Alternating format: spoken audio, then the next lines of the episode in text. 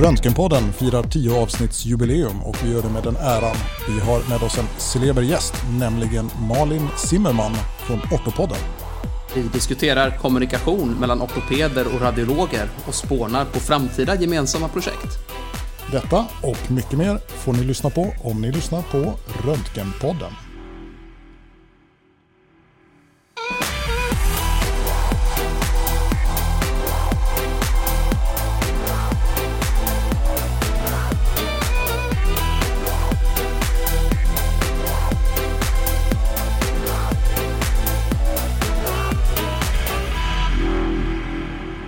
Hej Per!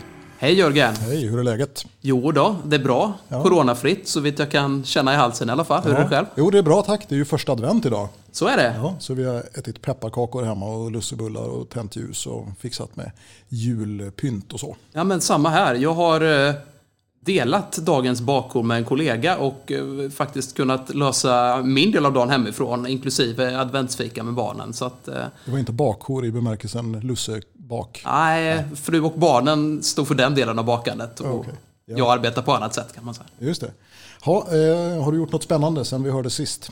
Alltså just nu så är det eh, Pax-uppdatering hos oss. Och det är ju en ganska stor grej. Vi har ju haft det ganska ovanliga Paxet eh, Agfa eh, innan. Ni tillhör landet Afghanistan som man brukar säga. Ja, det, det sägs ju så. Och det Ja. gör vi fortfarande. Men nu har vi deras nya Enterprise Imaging som, som vi hoppas väldigt mycket på. Som, som jag tror blir bra. Men Mm. det är ju svårt att göra en så pass stor uppdatering utan att det blir barnsjukdomar då. Så vi har ännu inte fått upp den här länken till TMC Australien, vilket har orsakat lite, Lite, ar- lite arbetsmiljöproblem. Ja, så kan man uttrycka det. Vi har fått göra om lite schemat så några har fått jobba eh, lite nattjour ad hoc sådär och, och så. Men det, det går bra. Hur länge har det varit så? En vecka. En vecka? Mm. Och eh, känner ni mer smak på att gå nattjourer eller är ni, ni längtar tills TMC kommer tillbaka? Ja, vi sjunger väl lite TMCs lov just nu alltså. Man blir ju rätt så van med deras hjälp alltså. Det är beroendeframkallande. Verkligen. Och man får lite respekt för alla, alla andra så att säga som, som inte kan skicka sina eh, kejsarsnitt eller dislocerade höftfrakturer till... Till Australien. Ja. just det. Ja, det är rätt skönt att kunna exportera sina problem till en annan kontinent. Ja, ja. Ja, ja, men det låter väl eh, spännande. Jag själv har jobbat eh, för Gotland eh, nu i två veckors tid. Eh, Det var meningen att jag skulle åkt dit och jobbat på plats. Men eh, sen är det ju ett visst virus här som håller på och härjar. Och ehm, eh, ja, när vi skulle bestämma om jag skulle åka eller inte så var det jättemycket spridning här. Det var lokala restriktioner och man skulle inte åka. Så då sa vi att nej. Och sen har det tyvärr blivit mycket corona på Gotland också. Så att eh, det eh, landade i att jag fick stanna hemma eh, här i Eksjö och eh, jobba på distans. Det har jag gjort i två veckor nu och sen så ska det bli några veckors distansarbete. Då. Och så har vi hållit på och diskuterat eh, kursen också en hel del, eller hur? Ja, alltså den här corona den påverkar ju allting man gör och eh, vi hade ju lite hoppats att när den här kursen skulle gå av stapeln i maj så skulle corona vara historia och en sån förhoppning har vi väl fortfarande. Ja, det kan ju hända väldigt mycket på ett halvår kan vi ju säga. Om man ser tillbaka vad som har hänt det senaste halvåret så har det ju varit både ups and downs om man, om man säger så. Ja, och den senaste tiden har vi ändå börjat diskutera möjligheten av att ha en digital kurs i det fall coronaepidemin fortfarande är ett problem. För nu har vi så pass mycket material och så pass mycket arbete nedlagt och så pass stor erfarenhet av olika digitala utbildningsinsatser att vi tror det skulle kunna bli Precis. bra. Och så har vi ju så pass många anmälda också att det vore väldigt tråkigt att behöva ställa in kursen eh, eh, bara på grund av, av eh, corona om det nu skulle vara möjligt att köra en digital variant. Vi tror väl egentligen att det bästa pedagogiska utbytet blir genom en fysisk kurs. Eller? Det känns väl så tycker jag. Ja, jag tycker ju det. Jag tycker det finns ju en del, eh, en del eh, andra fördelar förutom att inlärningen kanske är bättre. Man kan träffa folk, man kan diskutera saker informellt i pauserna, knyta kontakter och så vidare. Så att om det är möjligt så är det att föredra, men, men vi får ta höjd för att det kanske inte är det i alla fall. Nej, precis. Om alternativet är att ställa in alltihop eh, efter eh, allt förberedelsearbete som, som våra tilltänkta föreläsare har gjort och som vi har gjort. Och ja, de förväntningar som kursdeltagarna har. Så det vore ju väldigt tråkigt. Att, eh, vi, vi får se hur, hur vi kommer. Vi håller på att titta nu på vilka alternativ som finns eh, att köra digitalt. Och, Ja, och det- kan vi väl säga nu att i första hand är ambitionen att hålla kursen live och i andra hand digitalt. Det vore väldigt tråkigt om det inte blev av och Nej. det tror vi inte heller. I sista hand att Ja, ställa in. precis. Ja, så kan vi säga. Jaha, men ehm, ett spännande avsnitt har vi framför oss, eller hur? Ja, vi har slagit våra påsar ihop med en annan medicinsk podd. Ja, Ortopodden. Ja, Som är en jättetrevlig podd att lyssna på tycker jag. Jag har lyssnat på många avsnitt där som, som Malin som driver Ortopodden heter, eh, har gjort. Och, eh, det finns mycket man kan lära sig av att lä- eh, lyssna på de avsnitten även som radiolog tycker jag. Så att för några veckor sedan eller om det nu blir någon månad sedan så tog jag kontakt med Malin och undrade, frågade henne om inte vi skulle slå våra påsar ihop och göra ett avsnitt tillsammans. Och hon var väldigt entusiastisk. Så att nu har vi bestämt att vi ska prata lite med Malin här om en stund det blir kul. Det blir jättekul. Eh, ska vi gå rakt på sak kanske? Mm. ja. Eh, hur, bör, ska, vi, ska vi låtsas att vi just har ringt upp dig Malin? Eller vad? Ja, det får du göra ju. Ja. Hej! Hej Malin! va, va, va, Hej Jörgen! hej, vad roligt att ha dig på tråden. Detsamma. ja, vi har ju pratat om det ett Det är tag. lite meta det här, för att båda spelar liksom in och vi har inte helt kommit överens om hur vi ska dela upp eh, avsnittsproducerandet sen. Nej. Så vi får se. Nej, och sen är det lite ojämna styrkeförhållanden här. För jag har ju eh, Per med mig här också. Vi är ju två mot en nu då. Ja, och jag har dessutom en klar idé för hur det här ska utformas. Jag tänker att vi börjar med sådana här sedvanliga artighetsbetygelser som man gör. Att vi är ju väldigt, vi ser upp Ja, till. Ortopodden Jörgen, eller hur? Ja, verkligen. De har fler lyssnare, de var tidigt ute med det här med medicinska poddar. De har ett namn som, som är rätt coolt ändå. Ortopeden, Ortopodden, det tyckte jag var lite... Ja, det var kul. Alltså allvarligt talat så är det en skit, skitbra podd att lyssna på även för oss som röntgenläkare tycker jag. Jag har lyssnat på många avsnitt och jag tycker jag har lärt mig jättemycket av Ortopodden. Ja, Så jag har inte lyssnat på så många, men det jag har hört har varit väldigt bra. Absolut. Så Det var ju det, väldigt roligt att höra.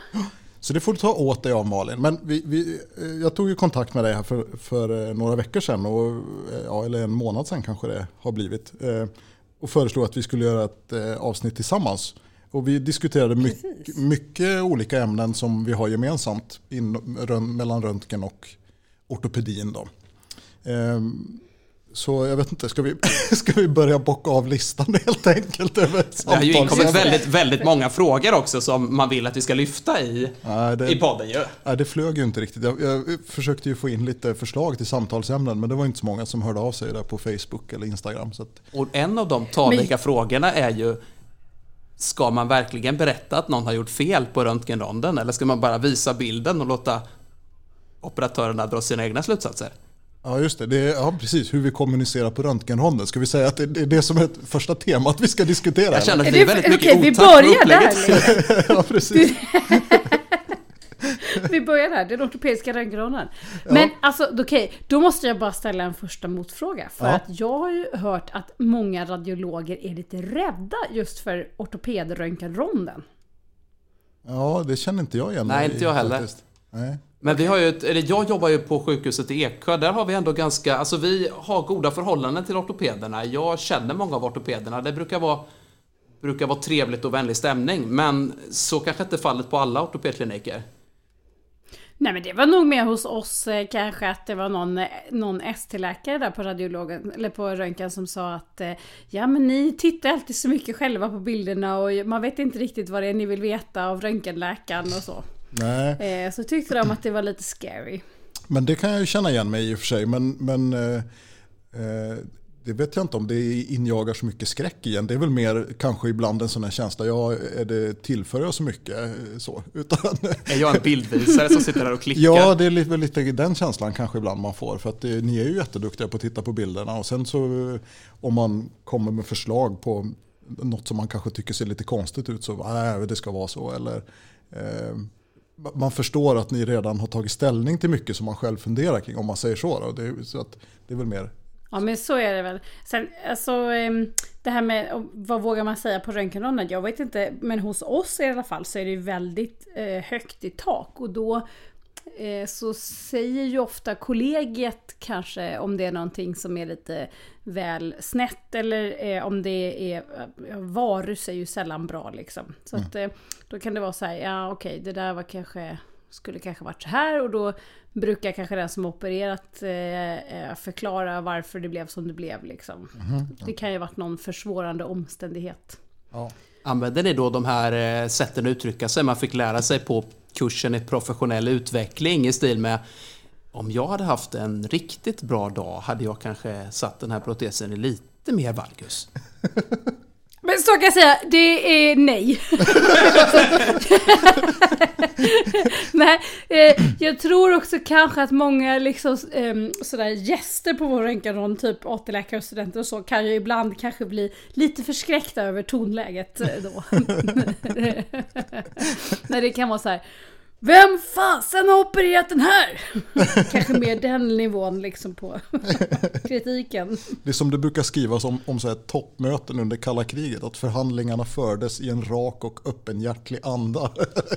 ungefär ja, så. Ja, ungefär så. Ja. Nej, men, jag kan... åsido, men det är ju väldigt viktigt också att, att man kan ha ett högt i tak på den här ronden. Just för att för att man måste kunna säga om, alltså de seniora, det är oftast kanske att de seniora kollegorna eh, säger till en som yngre att liksom den här skruven, den är lite sned här eller den skulle varit lite längre eller du skulle haft en till skruv här eller det är för mycket varus eh, etc.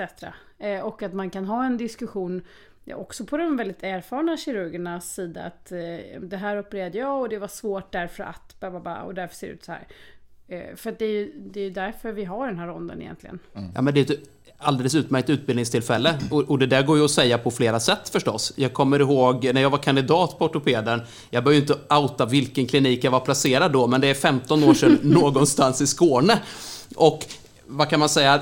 Då var det inte så lätt att vara senior ST-läkare. De här gamla uvarna i ortopedkåren var väldigt vänliga mot mot kandidaterna, för det var ju liksom inga, inget hot och det var lite ryggdunk sinsemellan. Men de här liksom 50-års ST-läkarna som började komma upp sig lite, de, de fick veta att de levde, om man så säger.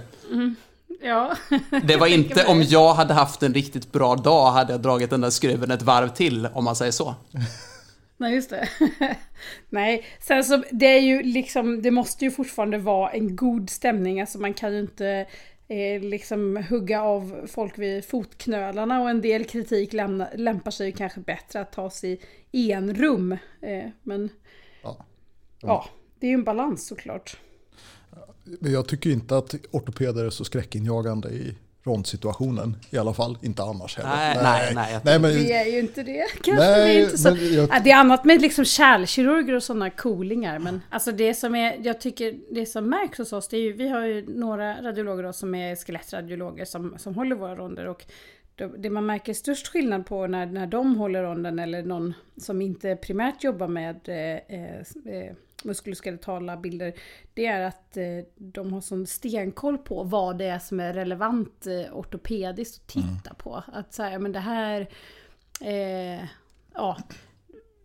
Och framförallt kanske när det är lite mer komplicerade grejer som med olika MR och, och CT-undersökningar och så för saker som ska opereras. Att då vet de precis, ja men det är det här som, som eh, ortopederna vill se och eh kommer med eh, mycket värdefulla synpunkter.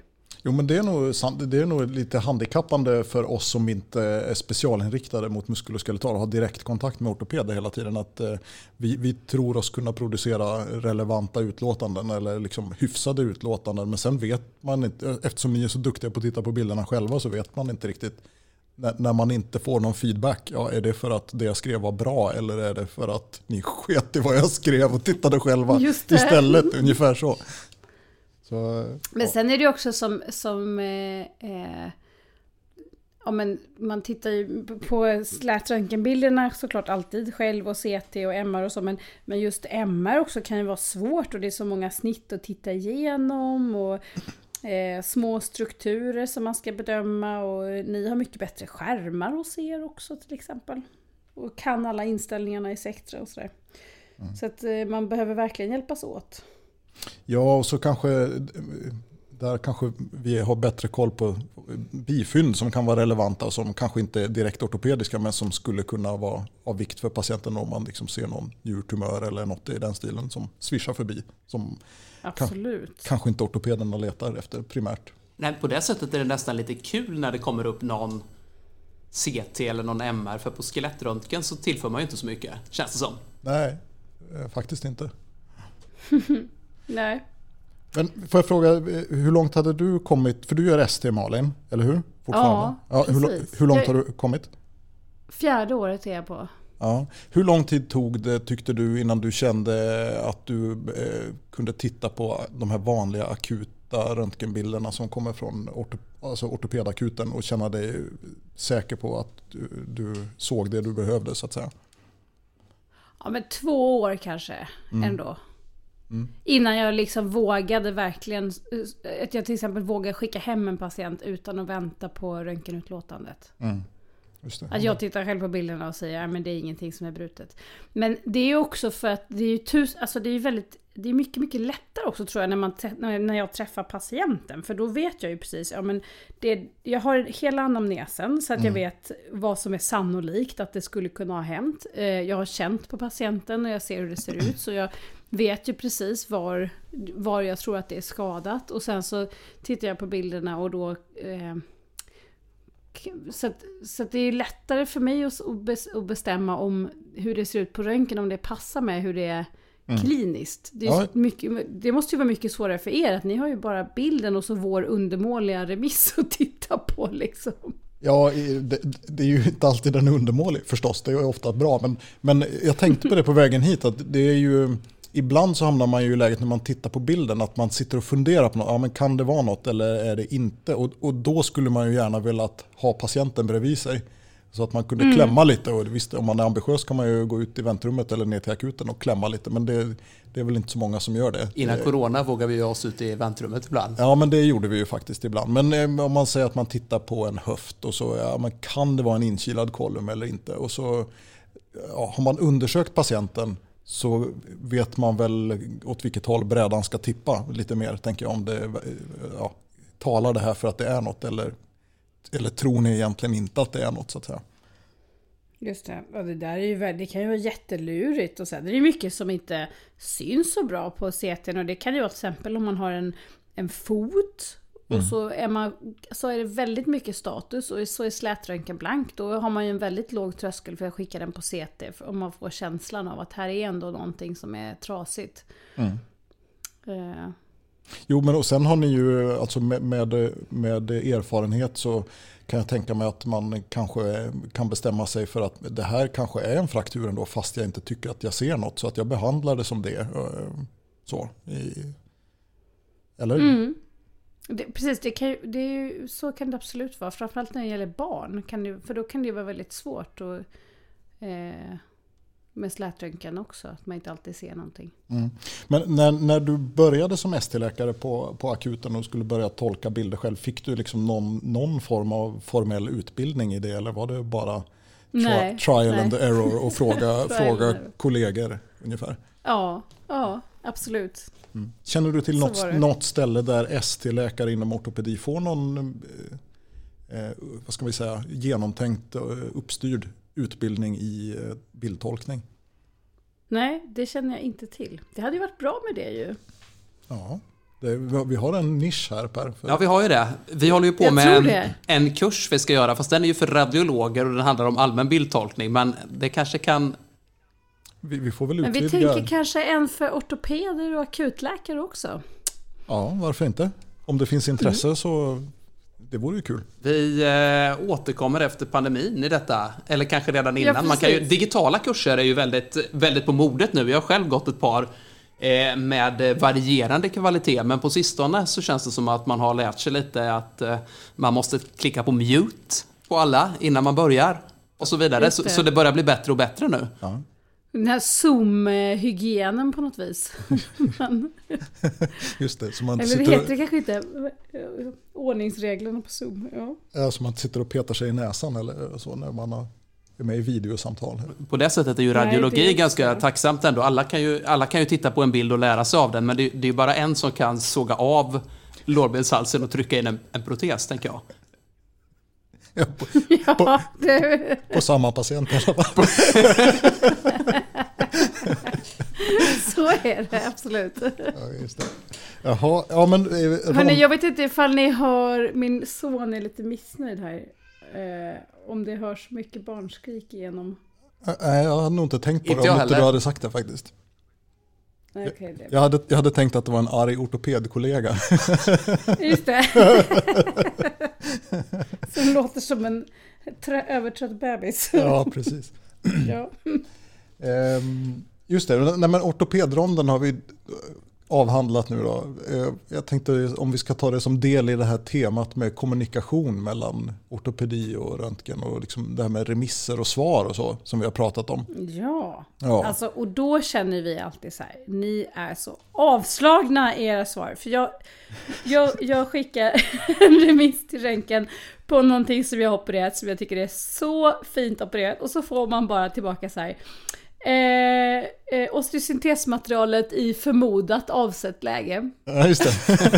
Det var lite mer mustigare och, och, och mer... Eh, fler superlativ helt enkelt. Ja! Vad som torde vara helt optimalt läge. Nej, jag tror hon menar så här, hon menar så här, skitsnyggt Malin. så tror jag Ja, Malin mer så. Mer så. Oj vad fint du har gjort Malin. Nej, det, det är fin, den finaste komplimangen man kan få det är ju typ eh, eh, anatomiskt reponerat. Ja, Den är sällan man använder är det Jörgen. liksom Eh, 10 av 10. nej, jag, det är nog inte en formulering som jag har i mitt bibliotek. Men det, det händer att jag skriver i perfekt läge. Faktiskt. Du är lite Skriver du generösare än perfekt jag. läge? Ja, om det är det. Oh. Så, ja, men det är inte ofta. Jag Så känner det, mer igen det här i förmodat avsett läge och det har ju ibland att göra med, med okunskap. Vi har ju en, en skicklig eh, fotortoped, eh, Emil Kilander, som jobbar här i, i vår region. Och han håller på med en Just massa sådana här eh, ingrepp som man kanske inte läser om på röntgens ortopedkurser utan då, då tänker man att förmodligen är det väl så att den skruven ska gå genom de två benen i mellanfoten och då blir det förmodat avsett läge och vad det betyder är Emil, du kan väl kolla och se om du är nöjd. Jag ser inget som ser uppenbart åt skogen ut. Ja, nej, men det, så tror jag du ska tolka den formuleringen Malin. Inte så att vi liksom tycker att ja, det där var sådär. Utan att det, Just det. det är nog mer sannolikt att den som har skrivit svaret vet inte riktigt exakt Nej. hur det ska vara. Så det är nog bra för att det är Malin som har opererat så det brukar bli bra. Så, så, Men det var ändå sjukt Jörgen att du brukar skriva perfekt. Nej, jag, jag brukar inte skriva det, för att, men, men jag använder det när, när det ser jättefint ut. Vilket Alltså, ju sällan är fallet när ortopeder har varit i nej, såret. men alltså, om man skriver perfekt läge, då, då får det inte vara något fel. Nej, och det nej. är väl liksom, ja, det är väl ofta något litet fragment som pekar hit eller dit, eller är någon grad fel eller så. Men alltså, om det sitter perfekt, då skriver jag väl det.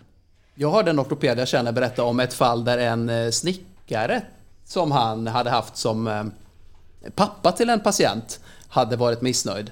Eh, För pappan då hade tittat på bilderna och tyckt att ja, men det är ju någon, någon enstaka grad fel där på någon, någon valfraktur som skulle remoduleras. Den kunde varit Ah, betydligt fler ja. grader fel. Men han tyckte att om jag hade varit snickare och, och skulle byggt ett hus med den här vinkeln då, det hade inte blivit bra.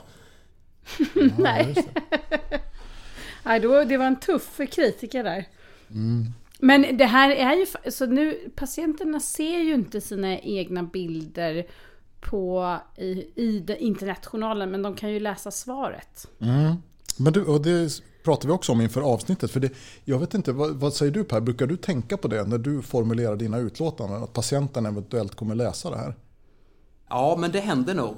Ja. Eh, Fast inte så mycket inom det ortopediska fältet utan det är väl mer om man så att säga ska, ska hinta att här kanske man ska driva malignitetsutredningen lite längre.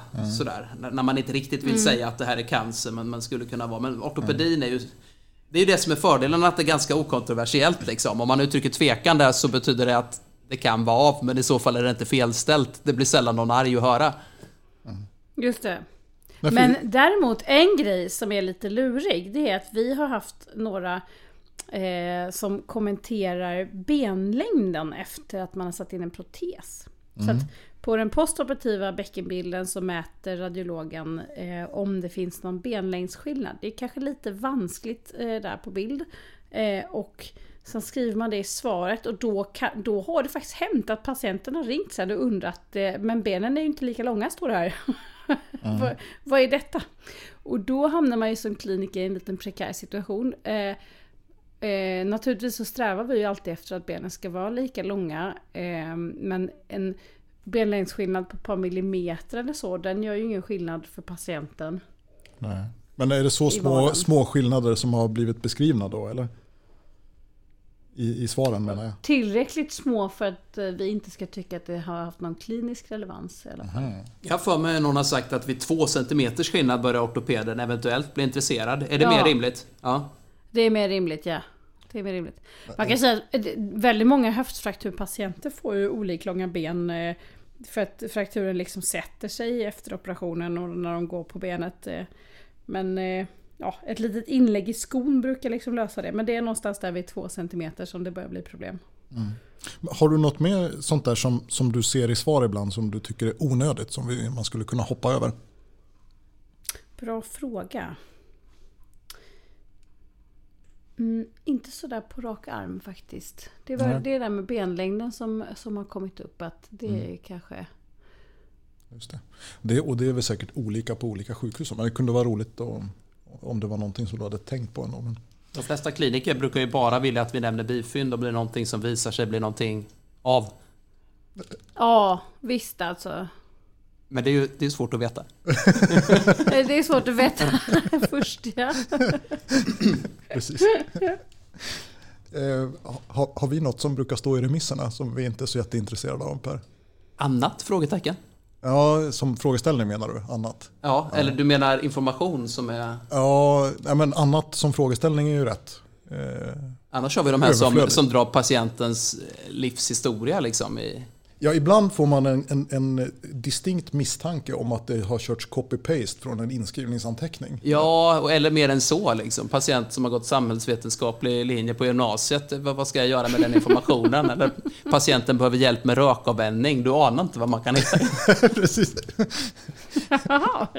Just det. Bor, wow. bor ensam med två cocker spaniels eh, ute i skogen utan behov av hemtjänst. Och så är det tio rader innan man kommer fram till att personen har ramlat från en stege och slagit nyckelbenet i en sten. ja, eh, gud. Men det där är ju också någonting man lär sig. Jag tror att som AT-läkare så skrev man ju väldigt mycket längre både remisser och journalanteckningar än vad man gör nu. Ja, och ärligt talat ska vi säga Per att ortopeden är ju inte de värsta syndarna när det gäller långa onödiga remisser. Inte du någon form av eh, rapportmetod som användes för att skriva Jo, S-bar. S-bar ja. Quencha det. Ja. Känner du till vad vi menar med att quencha i vår podd? N äh, nej.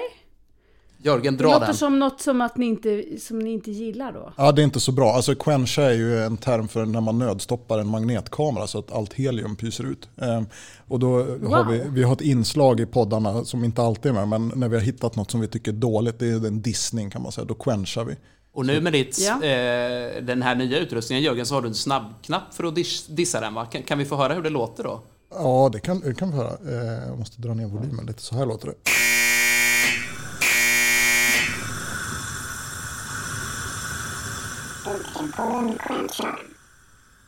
Så, så låter det när vi quenchar här i Röntgenpodden. Men nu, wow. nu var det ju helt omotiverat för vi, vi quenchar ju inte dig på något sätt. Men det var Nej, ett, jag, jag, jag tar på mig den Jörgen, jag är ledsen. Men i ett tidigare avsnitt så, så pratade vi om det här, det är någon form av rapporteringsmall som heter S-bar. Ja, visst. ja. Ja, visst. Och det är mycket utbrett i Skåne. Ja, och eh, på många andra ställen också kan jag säga. och även i röntgenremisser är det utbrett och där vet jag inte om det tillför så mycket. Det var väl ungefär det jag försökte förmedla i min quenchning, fast kanske möjligen i lite hårdare hårdare ordalag. så att keep it short. Ja, men lite så faktiskt. Men ja, som, som sagt, det, det, tycker jag inte att ortopederna eh, kanske behöver undervisas i. De brukar vara ganska kortfattade. Eller? Tycker du inte det, Per? Är det av? Frågetecken. Ja men eh, lite ja, men, så. Ja. Det brukar komma ja, en, ganska, ja, en ganska distinkt beskrivning av vad som har hänt och var patienten har ont. Och sen skelettskada. Ja, Men det är klart, det är också standard. Sen, det finns ju lite mer kluriga fall också som ortopederna har hand om faktiskt. Alltså lite mer utredningsfall. Absolut. Och, ja, ja. ja.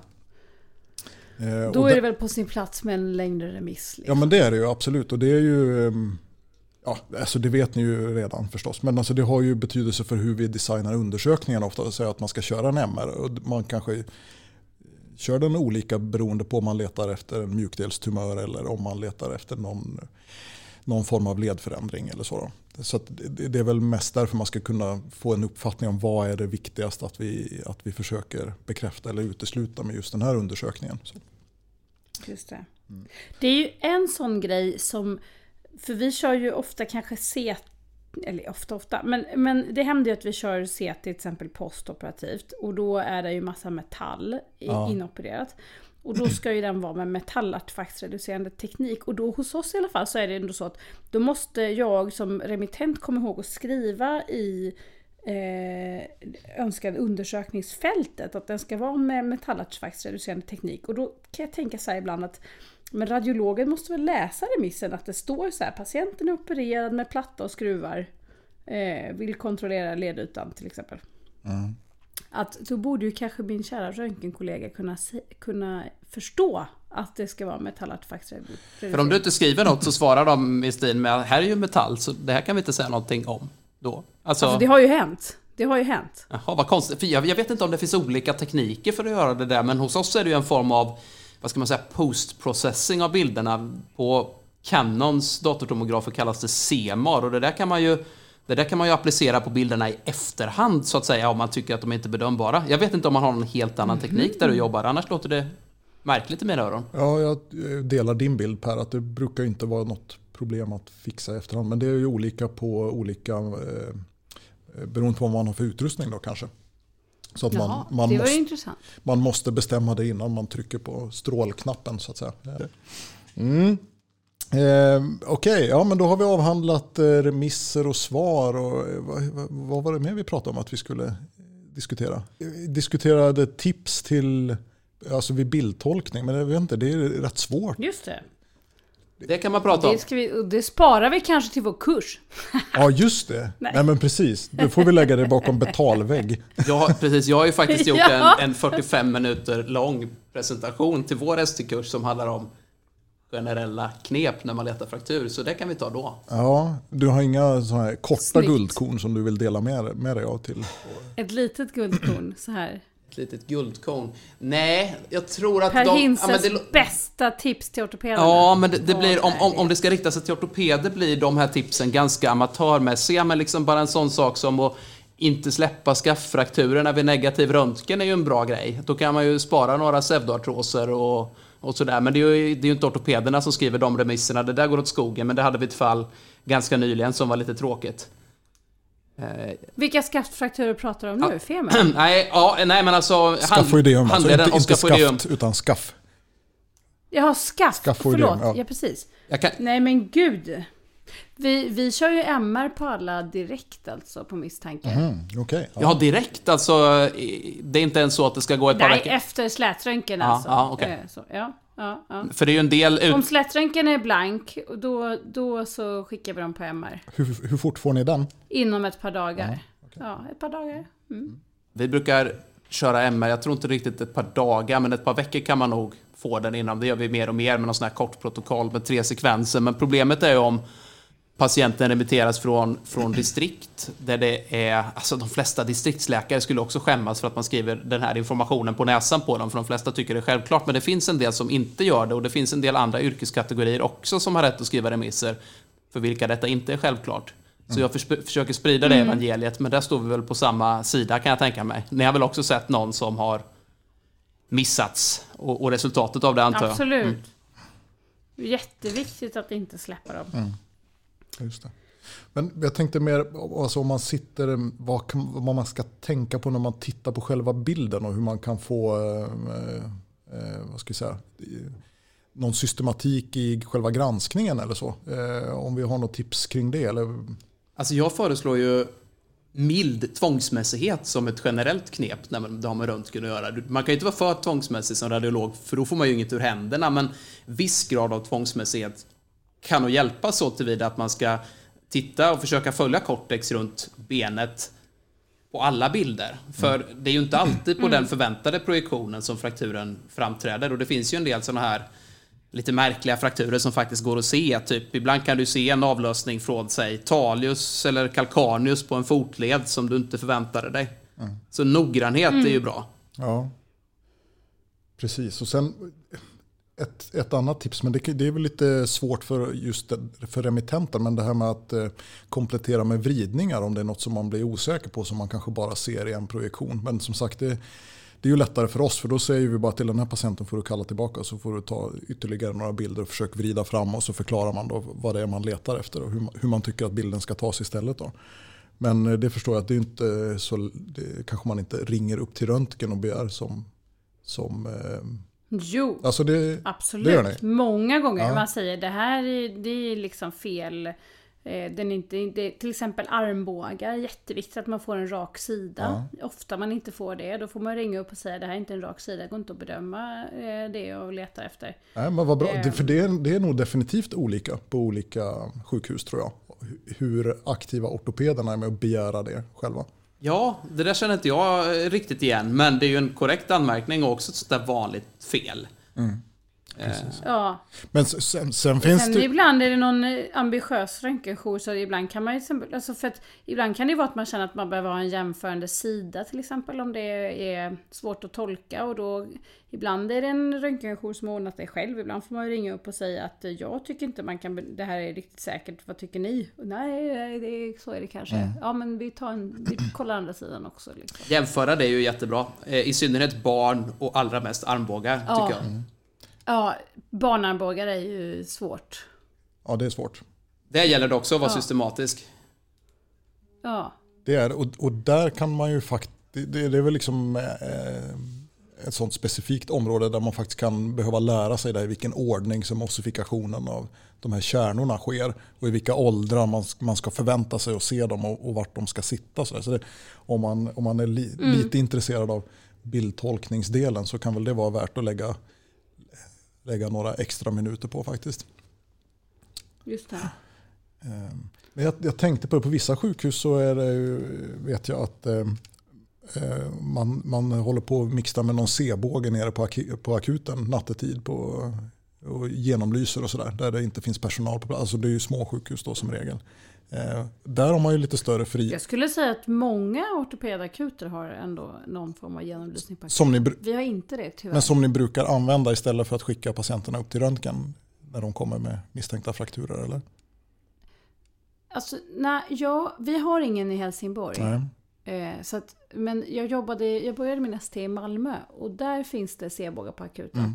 Men då är det noga poängterat att den ersätter inte vanlig röntgen utan den använder man kanske snarare under reponeringar och så så att man ser Ja. Eh, man kan kontrollera läget under tiden. Eller till exempel om man ska eh, spruta i någon liten led eller så, så kan man använda den. Just det. Eh, ultraljud, är det mm, många av dina kollegor som använder sig av det själva? Nej, inte många. Vi har några i axelsektionen som är väldigt duktiga på ultraljud. Mm. Men eh, annars så är vi ju inte så bra på det. Nej. Jag tror ultraljud är jättebra, men kodordet här är ju axelsektionen. Alltså om man är ett sjukhus Ja. stort nog för att ha sektioner på det sättet så tror jag att eh, då tror jag man kommer långt och då tror jag nästan, det här är kanske som att svära i kyrkan, men att det kanske inte är fel att, att kliniken själv då tittar på, på patienten med ultraljud, lite som kardiologen gör UKG och, och urologen tittar på eh, prostat och sådär. Varför att vi allmänradiologer, Ja. vi har ju en sån salig blandning av ultraljudspatienter och skulle man börja ta axlar då skulle det dyka upp några i månaden och så ska de delas upp på ett, ett stort antal händer. Det blir liksom ingen rutin och ingen... Nej, alternativet om man, om man som radiolog vill ägna sig åt det, det, då kommer man nog inte ifrån att man får eh, nog ta och lära sig eh, undersökningsteknik och liksom den relevanta patologin och liksom hur, hur man resonerar som kliniker för att värdera sina, sina fynd ordentligt. För att det duger nog inte att bara lägga på proben och beskriva vad man ser och sen skicka iväg och inte bry sig om vad som händer. Nej, men och det, Sen- det, det där jag menar, det kan ju säkert vara jätteintressant, men då börjar man lite lämna allmänradiologin, för det, det är svårt att hålla det i huvudet samtidigt som man ska kunna liksom resektabilitetskriterier för pankreascancer och eh, utbredningen av MS och, och så vidare och så vidare och så vidare. Va? Man, får, man får nischa sig lite mer i så fall. Ja, ja absolut. Men-.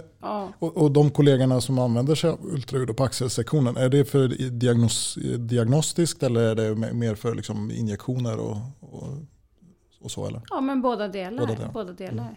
Ja, Ja. Intressant. Det kan ju vara för att se till exempel att eh, man misstänker att patienten har en supraspinatusskada för att se då är det en, är det en partiell skada eller är den en genomgående eller ja.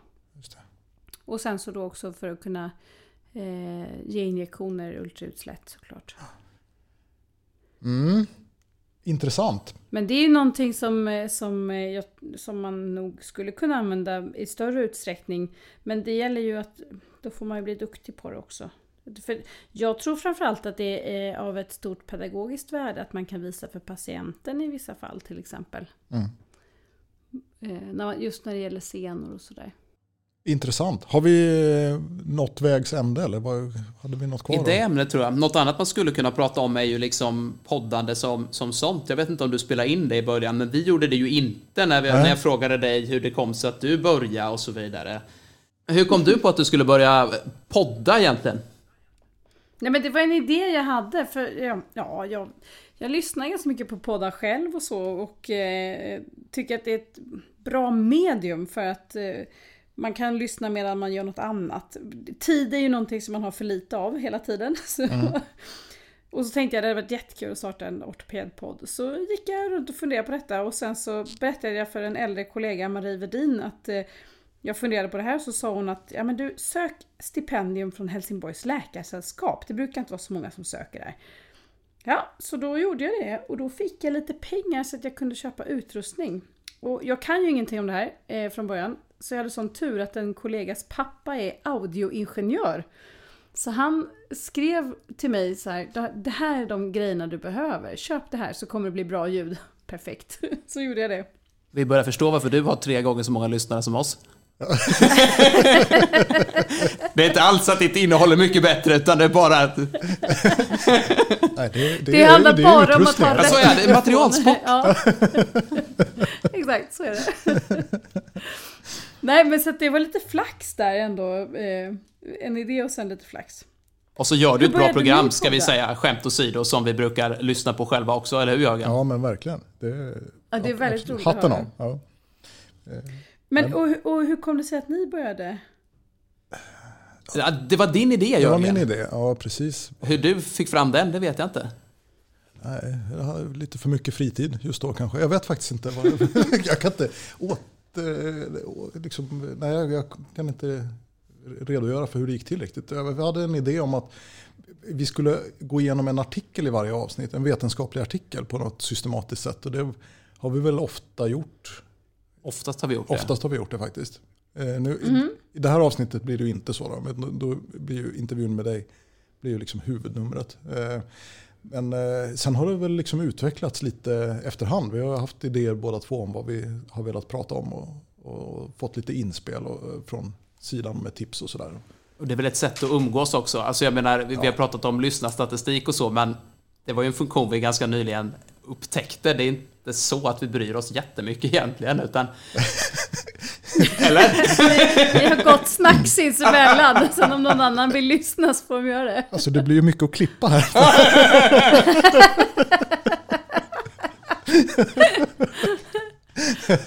Nej men eh, ärligt talat så det är ju inte bara för lyssnarna vi gör det utan det är ju ganska kul, eller hur? Ja det är det ju, ja, verkligen. Det är det.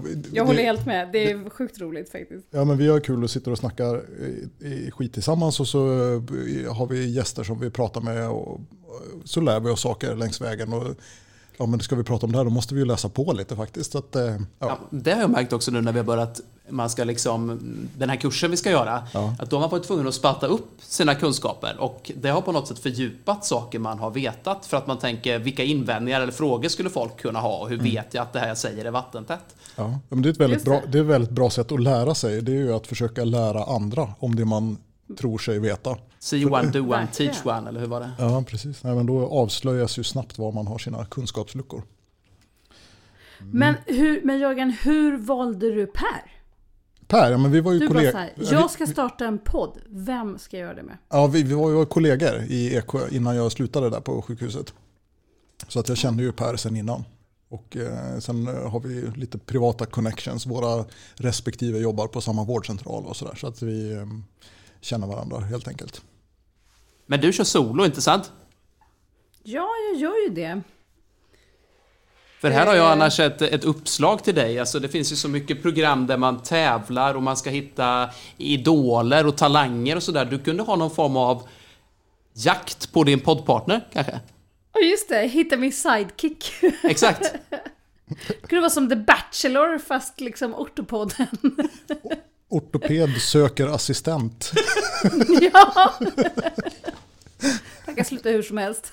Ja. Jag känner att det här har potential, alltså. Brev. Absolut. Ja, nej, men det, du kommer nog få många kandidater. Så får man ju liksom ha lite dramaturgi. så Tror att det är det? utröstningar och det ska vara lite gråt i korridorerna. Det kan ju vara, det. vi kan ju ha det i format av en, att man avslutar varje program med en röntgenrond. Precis, det är högt i tak. Man blir direkt utvärderad på allt man har gjort. Just det, då sitter röntgenläkaren och fäller, fäller utlåtandet. Ja, Ditt ben är förkortat med 3 centimeter. Du måste lämna gård ja, eller klinik. Du måste lämna ronden. Denna veckas sämsta remiss kom ifrån... En sån röntgenläkarnas diss, det är väl ändå lite härligt. Just det. Men hörni, en seriös fråga då. Eh, som kvinnlig ortoped så hamnar ju många av oss i situationen att, eller, men ni kanske inte kan svara på det här men i så fall får ni säga det. Men, men det man diskuterar mycket, eller som vi diskuterar i alla fall, det är ju just det här när man blir gravid och man jobbar så mycket med genomlysning. Kan ni något om det här? Är det lönt att jag ställer en sån fråga? Ja, jo men det ska vi ju, formellt ska vi kunna, för det ingår ju i ST att man ska gå en, en kurs i strålfysik och sådär. Eh, Det är ju lite så att man eh, sysslar inte så mycket med det till vardags utan det är, just, det är ju sjukhusfysikerna som håller på med det. Så att, eh, ärligt talat så är de, alla de här formlerna för strålning och sånt där, det, det kommer man inte ihåg. Men, men man kan ju säga så, så som det hanteras praktiskt på röntgen så är det ju att om man en radiolog som är gravid ska ju inte jobba med genomlysningar. Nej, man kan ju ibland indirekt utläsa av schemat att någon nog är gravid när det blir väldigt mycket ultraljud. Ja, precis. Så det är väl en, en specialitet där det är extra svårt att hålla en graviditet hemlig tror jag. Det är väl just inom Ja, röntgen. Eftersom, det. för det innebär ju att man kanske inte kan em, sättas in i jourschemat på samma sätt som, som icke-gravida kollegor eftersom man riskerar att åka på och göra en genomlysning på jourtid och sådär. Em, Men hur, det är inte så det hanteras på ortopeden då eller? Hur, eh, Nej, nej, nej, de allra flesta, eller det är lite olika, det är väl från person till person. Många jobbar ju vidare eh, och har en liten dosimeter under sitt blyförkläde. Mm. Och andra tycker att det inte känns bra och eh, jobbar inte alls med det. Men, men man kan ju nästan inte göra någon akutkirurgi då överhuvudtaget. Nej. Men ja, just det. Och, och vad gör Men det är man lite då? olika också vilken operation man gör ju klart. Alltså en handled blir ju nästan ingen strålning på dig som operatör. Nej. Ja, intressant att det är så stor skillnad. För att det, det, det är ju verkligen, jag har inte varit på något ställe där man håller på med genomlysningar om man är gravid på röntgen. Eller har du Nej. hört Nej, men jag känner att liksom strålskyddsperspektivet är väl på röntgen väldigt etablerat i och med att man har jobbat med strålning länge och förr gjorde det på ett sätt som kanske inte var så, så säkert. Nej. Men nu så tror jag att det är andra yrkeskategorier som får större stråldoser än vad vi får eftersom genomlysning är en så liten del av verksamheten. Ja. Och det har, ju, Mm. det har ju ändrat sig mycket på eh, ganska kort tid. Alltså när jag började så stod man ju och körde så kolongenomlysningar dagarna i ända. Men det, den undersökningen finns ju inte längre. Så att nu Ja, men du det- började väl två år innan mig och du gjorde väl 500 kolon och jag gjorde väl 50 och nu finns det inte kvar knappt. Så Nej, att, nej, precis. Så att det är ju jättestor skillnad. Men faktiskt. det måste ju blivit mycket strålning när man strålar på magen tänker jag, eller? Eh, Alltså ja. för den som stå, står och kör det. Jag vet inte, då hade vi ju dosimetrar och de lästes ju av och det var väl liksom... eh, Jag vill minnas att det var någon gång den där dosimetern visade högst värde efter att den hade legat i ett eh, skåp i omklädningsrummet över semestern för att där var det någon sån där eh, betong i, som avgav strålning i närheten. Så att, jag tror inte att själva... Jaha. Ja, nej, det var, nog, det var väl inte så farligt. Men det är klart att det var ju spridd strålning till, till ansiktet och till linsen och sådär. Så man pratar mycket om att man har risk att få strålkatarakt och så. Men jag vet inte om det... det skulle väl vara röntgeninterventionister som står på Angiolab Ja, dagarna. Ja, det- de de det- brukar ha blyglasögon. Ja, visst, ja, men det är ju en helt annan, annan femma. Men, Men för att- oss vanliga bonaradiologer som lägger en nefrostomi en gång i halvåret så kanske det inte är samma. Nej. Nej, då är, nog, då är ju ortopederna betydligt mer utsatta. Ja, det tror jag. Verkligen. Och Men ni, det verkar så, alltså med blyförkläde och med tyridea-skydd och så, så verkar det ju vara väldigt, väldigt, väldigt lite strålning.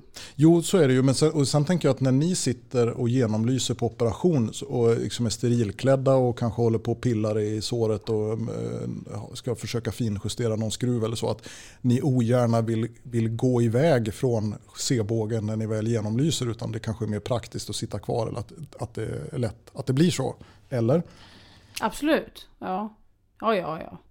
För så, eh, alltså även när man körde kolon, det var ju, man, man kunde ju stå utanför och ropa åt patienten hur den skulle vrida och vända på sig så att man liksom kom långt ifrån själva strålkällan. Och, och, så sen kan man inte alltid göra på det sättet. Men det, det finns ju liksom knep att minska stråldosen och det eh, enklaste är ju att flytta sig långt från strålkällan helt enkelt. Men det är klart, det är ju, Just det. Det är lite svårt för oss att göra. ja, jag förstår det. Det blir ju så förstås.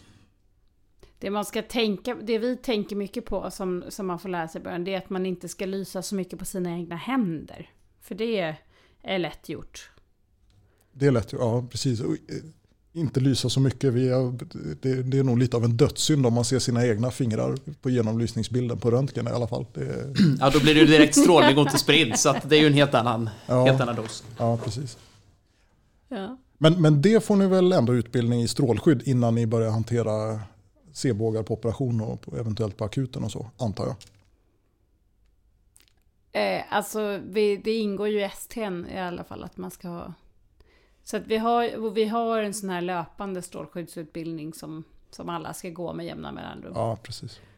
Vi har ju sjukhusfysiker knutna till våra avdelningar som brukar vara strålskyddets eh, talespersoner så att säga. Så att, Ja. Mm, ja, vi har ju också en som, och det, det är ju den personen som kommer att prata med oss och sådär.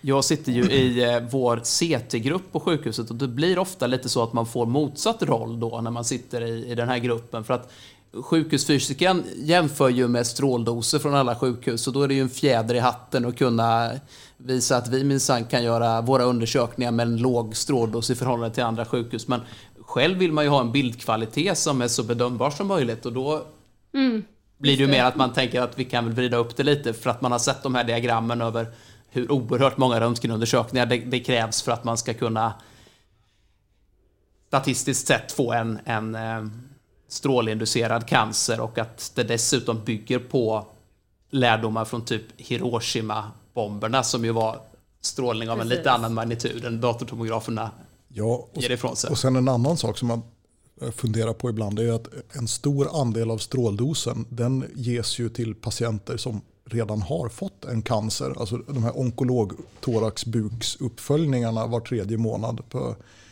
efter given cytostatika. Det är ju eh, en stor andel av, av strålningen. Så att då, då kan man ju fundera på ja, hur viktigt är det att vi vi minskar stråldosen till just den patientpopulationen.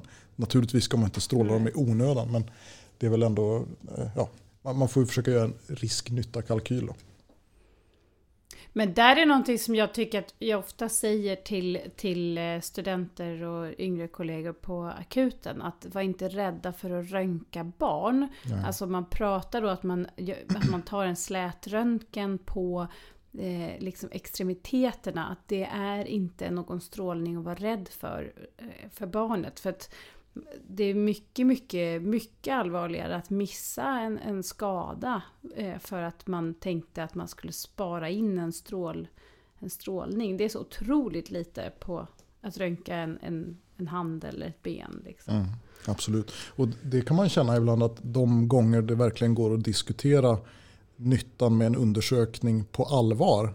Eh, det är väl ofta när det gäller barn och gravida. Tycker jag att man liksom, för annars så är det så lätt hänt att det bara liksom eh, slinker igenom i flödet. Men just på de här patienterna som alla vet med sig är strålkänsliga, då kan det ibland nästan bli, som du säger, att man är för försiktig. Och ja, kanske framförallt på gravida, att eh, ja, de- kan ligga och hålla på att dö men man vill ändå inte röntga dem för att de är ju gravida. Ja, men det, det är ändå ganska viktigt att man tar reda på vad det är för fel på patienten. Så Ja, just det. Precis. det, det kan bli lite skevt Ja. ibland. Ja. Så lagom mycket strålskydd. Lagom mycket strålskydd. Förnuftigt strålskydd. Ja, precis. Kul hörni! Ja. Roligt att snacka med er. Ja men verkligen. Det tycker vi också. Men hörni, jag blev också otroligt taggad på att ha en kurs med er. Det hade varit sjukt kul. Ja, men ska vi, alltså allvarligt talat, det kan vi väl diskutera vidare. Men vore- jag är allvarlig. Det är klart vi Ja. ska diskutera det. Jag tror, jag tror att det hade haft funnits ett jättestort intresse för det faktiskt. Ehm, Låt oss jobba på Låt idén och återkomma. Jobba på idén. Ja. Kul! ja, men vi, det gör har, vi. vi har anledning att återkomma om då. Ja, Ja, verkligen. ja. Eh, Verkligen. vi måste få till en bra avslutning på samtalet.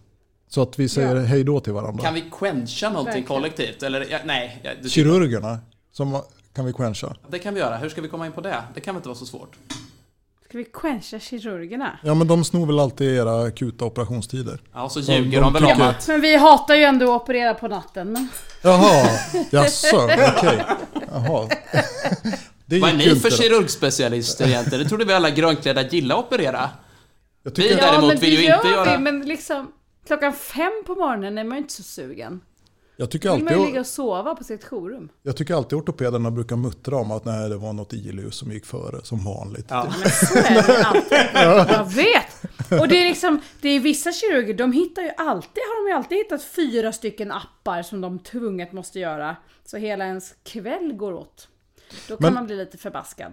Men ni, du, ni är inte så sugna på att operera mitt i natten, men varför är kirurgerna det? Är det liksom, de har, det fattas något hos dem eller? Jag raljerar lite i vissa... Det är väl kanske personlighetsbetingat. Nej, men jag skulle väl säga att vi opererar väl gärna, men kanske liksom... Just det här med att om man... Det kan ibland bli så att vi har, vi har en grej som, som liksom inte är lika akut som alla de andra specialiteterna. Och då kan det ju vara att man inte får komma till förrän klockan fem på morgonen. Och då, är det, ju- då har man ju redan jobbat i 12 och en halv timme och är rätt sleten liksom. Men är, är det inte lite så eh, för just ortopedin att ni, det är sällan som ni eh, kommer liksom allra överst på i akut priolistan? Det är sällan ja. När ni ska konkurrera med gyn och kirurgen. Så. Precis. Gyn går ju alltid först. Ja. Men men ett compartment-syndrom, det borde väl trumfa en app? Eller är det inte ens så? Ja, det tycker jag. Det som vi har som, som... Och sen så är det ju då pulslösa suprakondylära humerusfrakturer går ju också rätt högt. Ja. Eh, barn med felställda frakturer generellt försöker vi ju få till. Eh, men mycket går ju att reponera i lustgas på akuten och så, så kan man göra det dagen efter. Men, men jo, en superakut ortopedisk grej är ju nekrotiserande fascit. Just det. Såklart. Eh, Cauda ja, equina så att, också. ja, precis. Cauda equina. Det, det skulle man ju kunna... Det skulle vi kunna raljera lite mer över ortopederna om de här MR-undersökningarna som... Det, där det är någon som har liksom urinvägsinfektion och lumbago och, och nu tycker man att det är... Nu är, nu är det ryggsymptom och problem att kontrollera blåsan. Det måste nog vara en cauda equina. Jag tycker du förstör stämningen. Ja, lite förlåt, nu, Per. förlåt. Nu har vi haft det så trevligt. Glöm det. Vi quensar kirurgerna Men det istället. är ju en sån, det är en sån diagnos man absolut inte får missa ju. Nej, jag håller med Malin. Jag quenchar Per här Ja, tack. Förlåt. Jag ska bättra mig. Jaha, Men det är också vissa såna grejer som typ, man får ju absolut inte skicka en luxerad fotled till röntgen. nej. Då är det big fat quench på den som har gjort det. Så. Ja. Den ska vara reponerad innan den kommer upp till röntgen. Fast det är lite kul att se dem ibland. Jag tycker faktiskt att det är... Ja. Men det, är, men det jag förstår, det är inte bra. Nej, det är inte rätt förstås. Nej, nej.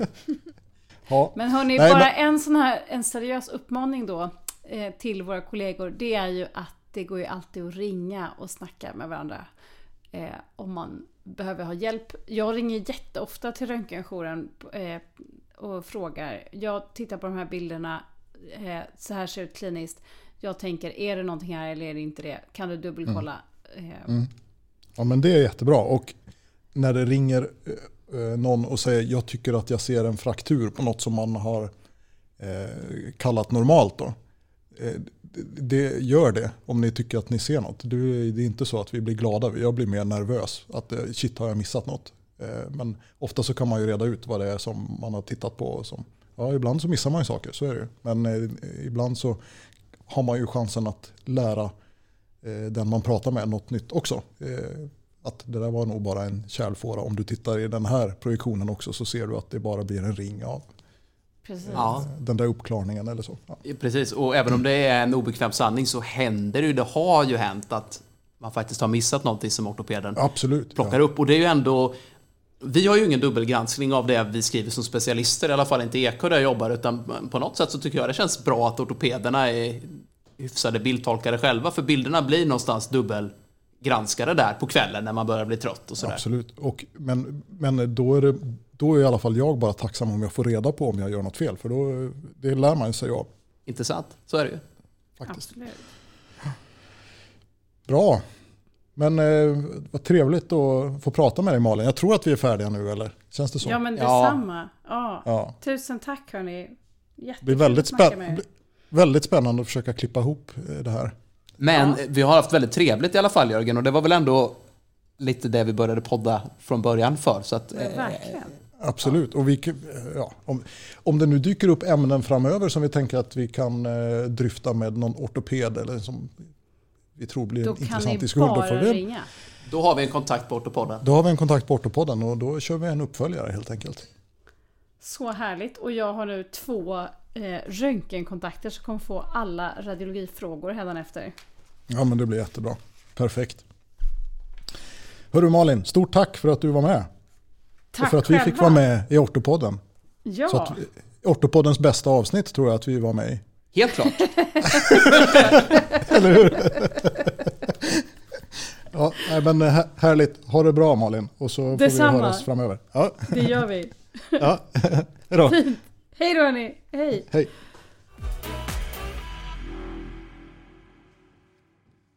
Det var ju spännande och otvunget samtal Jörgen. Ja, jättetrevligt. Det var Ja. kul att prata med Malin. Och lärorikt också. Absolut. Vad har, vad har du lärt dig? Ehm, ja, att ortopeder också är människor. Att de blir glada för lite uppmuntran. Och att eh, om, man, om, de, om vi ser någon bild där de har gjort ett bra jobb så var inte rädda för att skriva något snällt till dem. Man behöver inte vara så avmätt och skriva att det är eh, förmodat adekvat. Utan skriv, kanske inte behöver skriva bra jobbat Malin, men man kan skriva eh, att det ser fint ut. Eller ja, men något uppmuntrande, så blir de glada. Radiologer.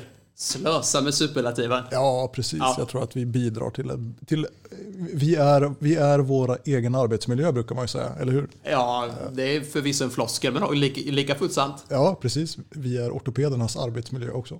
Men eh, det blir, det blir en hissning mer idag. Vi har ingen quench på lager heller. Däremot så har du hittat en eh, zebra, va? Ja, det är inte en egen zebra, men det var ändå ett ganska spektakulärt fall som jag hittade Eh, på den eviga kunskapens källa Twitter. Eh, men, jag följer en, eh, rätt mycket radiologer där och där man får faktiskt se en hel del spännande fall. Och då var det bland annat ett exempel på en patient som hade genomgått någon form av ingrepp i skallbasen eller om man hade fått en skallbasfraktur. Jag minns inte riktigt faktiskt. Men den här patienten, det var nog en skallbasfraktur. Patienten skulle få en ventrikelsond i alla fall. Och den här ventrikelsonden fick ett lite eh, ovanligt förlopp kan man säga. Eh, den gick nämligen igenom skallbasen och ut genom foramen magnum och sen gick den ju då ner i eh, spinalkanalen ut med ryggmärgen snarare än ner i esophagus som var tänkt. Så det, det var lite udda bilder på den slangen. Eh, Det kan vi lägga ut sen till våra Men lyssnare. spetsen hamnar ändå då ganska, ganska nära avsett mål. Alltså man, Ja, och jag tänkte på det. Om man, om man fick se den bilden som en vanlig... exakt, frontalprojektion va? Ja, precis. Om man ser en bedside-lunga så är det ju inte säkert att man hade reagerat. Jo, det borde man göra beroende på hur långt ner spetsen kom. Men säg att den bara kom... Eh, jag sitter och tittar på den här. Den gick ju nedanför diafragma faktiskt. Så då borde man väl börja reagera på att den inte böjer av. För att den brukar ju inte gå spikrakt ner längs medellinjen. Eh, knappt ens i mediastinum, men där kanske man skulle vara ursäktad om man inte reagerade för det om man säger så. Men, men väl nedanför diafragma så vill man ju gärna se att den kröker av. Men här hade man sidobild i alla fall. Ja, den här var, har vi ju CT-bilder på så där är det ju ingen tvekan om att den inte riktigt ligger där den ska. Men, Man hörde ju det där på grundutbildningen att man skulle se upp med V-sonder och, och näskantareller hos patienter med misstänkta skallbladsfrakturer för att man kunde komma upp i skallen. Men det här var ju, det var liksom en twist på twisten känner jag. ja, precis. Den här, ja, nej, det där vill man inte se på röntgenronden dagen efter tror jag om man har satt en V-sond på sin patient. Men du, om det här är Twitter, eh, jag vet inte om det går att lägga upp på Facebook då, eller visst gjorde du ett Twitterkonto för Röntgenpodden också i början när du... Mm. Kan, kan, du retweeta den? Jag, jag använder ju inte Twitter, men de av våra mm. lyssnare som gör det kanske kan vara intresserade av att Absolut, jag brukar Ja, jag, är inte, jag, jag, är nog mer aktiv på Facebook med uppdateringar av när vi släpper avsnitt och sådär. Eh, jag försöker komma ihåg att lägga ut det på Twitter också men jag missar nog det ibland. Men den här får jag absolut lägga ut där eftersom det var där jag hittade den. Det ska vi göra, jag lovar. Jaha Per, men eh, ja, vi får väl säga att vi känner oss klara med dagens avsnitt. Eller? Det var roligt att, att prata med Malin som sagt och så får vi väl hoppas att det blir något av vårt eh, tilltänkta projekt framöver. Ja men det vore väl jättekul. Mm. Vi, vi återkommer. Vi återkommer och som vanligt eh, kära lyssnare så vet ni att ni kan eh, kontakta oss via Facebook, Instagram, Twitter och mail också för den delen. Så gör det så hörs vi i etern framöver. Ha det bra!